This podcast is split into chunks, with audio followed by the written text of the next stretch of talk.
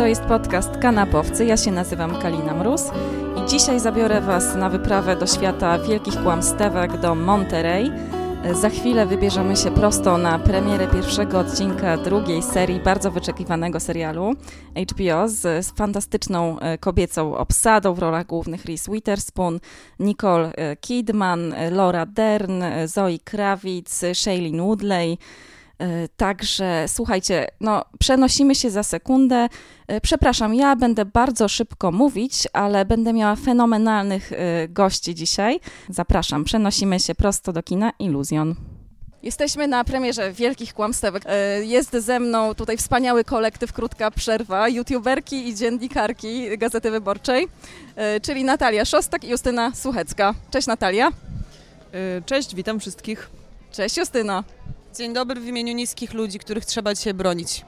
Tak jest, to jest taki mały inside joke z pierwszego odcinka Wielkich Kłamstewek serii drugiej, który obejrzałyśmy z wielką przyjemnością, ponieważ tam właśnie Meryl Streep, uwaga, mały spoiler, obraża Reese Witherspoon w taki sposób, że właśnie wytyka jej wzrost, a my, czyli ja i Justyna doskonale znamy, znamy ten ból. Jak Ci się Meryl Streep podobała? Jak się Wam podobała?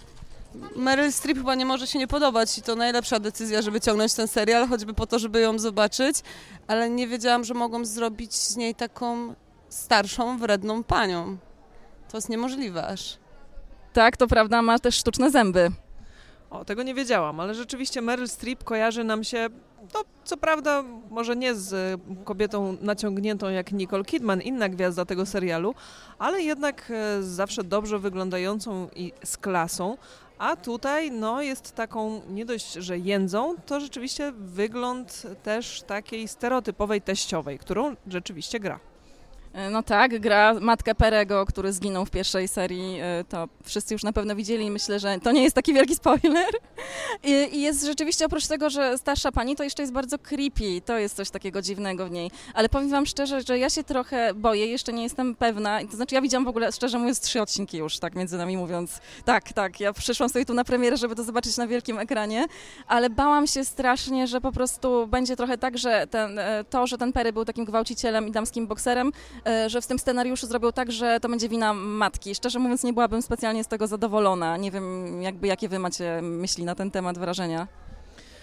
Hmm, no miałam taki moment rzeczywiście, kiedy e, matka Perego, czyli właśnie Meryl Streep, e, zwraca uwagę dzieciom e, Perego, kłócącym się chłopcom, bliźniakom, w taki bardzo ostry sposób, surowy, że zapaliła mi się ta lampka alarmowa. Czy rzeczywiście to będzie to, że ona była taka surowa wobec niego w dzieciństwie i czy to wpłynęło, że on się okazał takim potworem? Rzeczywiście no, mam nadzieję, że ten wątek nie zostanie w ten sposób pociągnięty, bo byłoby to troszeczkę za łatwe, ale no, mam wysokie mniemanie o scenarzystach tego serialu, więc mam nadzieję, że jakoś z tego wybrną i pogłębią trochę y, te sytuacje, te relacje.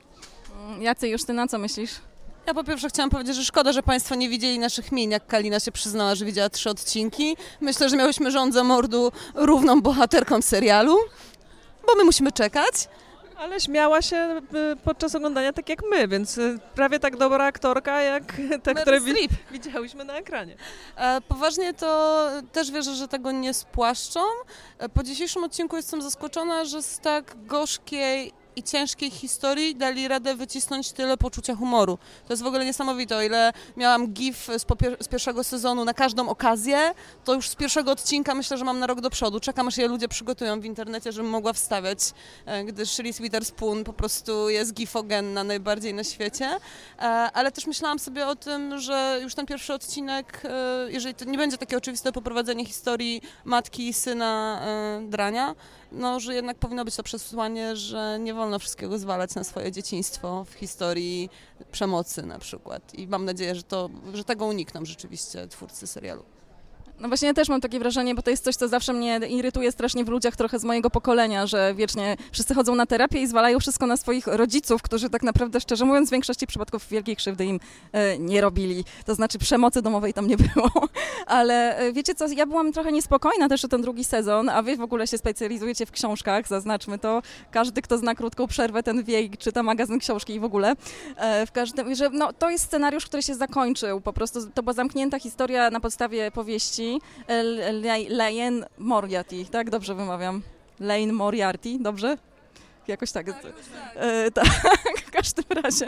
E, w każdym razie no, skończyła się książka, skończył się materiał książkowy, no i teraz było zagrożenie tego, że scenarzyści sobie tutaj wymyślają jakichś strasznie absurdalnych rzeczy, ale mam wrażenie, że też nie mamy się o co denerwować e, w tym momencie. E, to może ja się zgłoszę do odpowiedzi, bo przy okazji pisania któregoś tekstu na temat serialu przeczytałam tę książkę. No i książka zupełnie inaczej niż zazwyczaj to bywa. Książka była taką płytką, prostą historią. E, właściwie głównym wątkiem był tutaj wątek, e, jak się nazywa e, ta dziewczyna, którą zgwałcił Perry? Główny wątek to była Jane, która przyjechała z małej jakiejś miejscowości. Rodzice ją tak wychowali na właśnie taką skromną i to była taka typowa, można powiedzieć, historia romantyczna, która polegała na tym, że ona musiała sobie poradzić z traumą i spotykała miłość swojego życia, czyli tego pana z kawiarni, którego pamiętam pamiętamy z pierwszego sezonu. I to było tyle. Więc tak naprawdę te wszystkie wątki, e, na przykład e, terapia e, jednej z bohaterek właśnie, Celest, tak, nie pamiętam. Legendarna nigdy. pamięć do imion, proszę Państwa, legendarna. Mam ten sam problem. Nigdy nie pamiętam imion bohaterów, więc no, to, co było w serialu takie właśnie pogłębione i poszerzone, to tego w książce mi brakowało, więc mam nadzieję, że mm, dalej scenarzyści utrzymają tę dobrą formę i nadal będą te bohaterki raczej pogłębiać i tylko odbijać się od tego pierwowzoru pier y, powieściowego. Ja muszę przyznać, że bardzo się zawiodłam kontynuacją opowieści podręcznej bez opowieści podręcznej, czyli tym, co twórcy serialu zrobili, kiedy książka się skończyła. Skończyła im się już właściwie w pierwszym sezonie na dobrą sprawę. Tam bardzo swobodna była interpretacja losów bohaterów, więc drugiego zawodu nie przeżyje po prostu. Ja miałam dokładnie to samo z opowieścią podręcznej, że już potem druga seria pornografia przemocy do widzenia, już bez sensu, niepotrzebna zupełnie kontynuacja. No ale tutaj no, mam, do, autorka książki współpracowała też ze scenarzystami, natomiast reżyseria, mam wrażenie, bardzo dużo robi. Tak naprawdę dlatego ten serial jest lepszy niż powieść, znacznie. E, z tym, że pierwszą serię reżyserował Jean-Marc Vallée, ten co zrobił Crazy albo Witaj w klubie, a drugą serię robi Andrea Arnold i bardzo mnie to ucieszyło, że to właśnie jest ona, ponieważ ją kocham totalnie za Fish Tank, e, kocham ją za Wichrowe Wzgórza, lubię też film American Honey, bardzo film drogi, może nie jest to jakieś wielkie dzieło, ale go lubię po prostu za ten obraz młodości i tak dalej.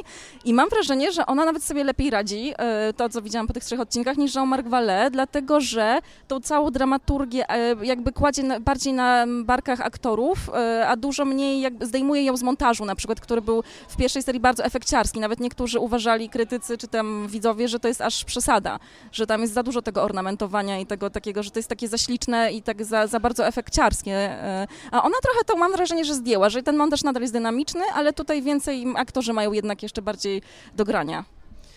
E, no, nie mam nic do dodania, poza tym, że, że się zgadzam. Rzeczywiście ten montaż jest E, nadal charakterystyczny, jak był w pierwszym sezonie. Mam nadzieję, że Państwo nie słyszycie tutaj e, intensywnego bzyczenia komarów, które nas atakują, e, ale rzeczywiście te relacje pomiędzy głównymi bohaterkami, no i pomiędzy właśnie bohaterką graną przez Meryl Streep rzeczywiście tutaj chyba się wysuwają na pierwszy plan, przynajmniej tyle możemy powiedzieć po pierwszym odcinku.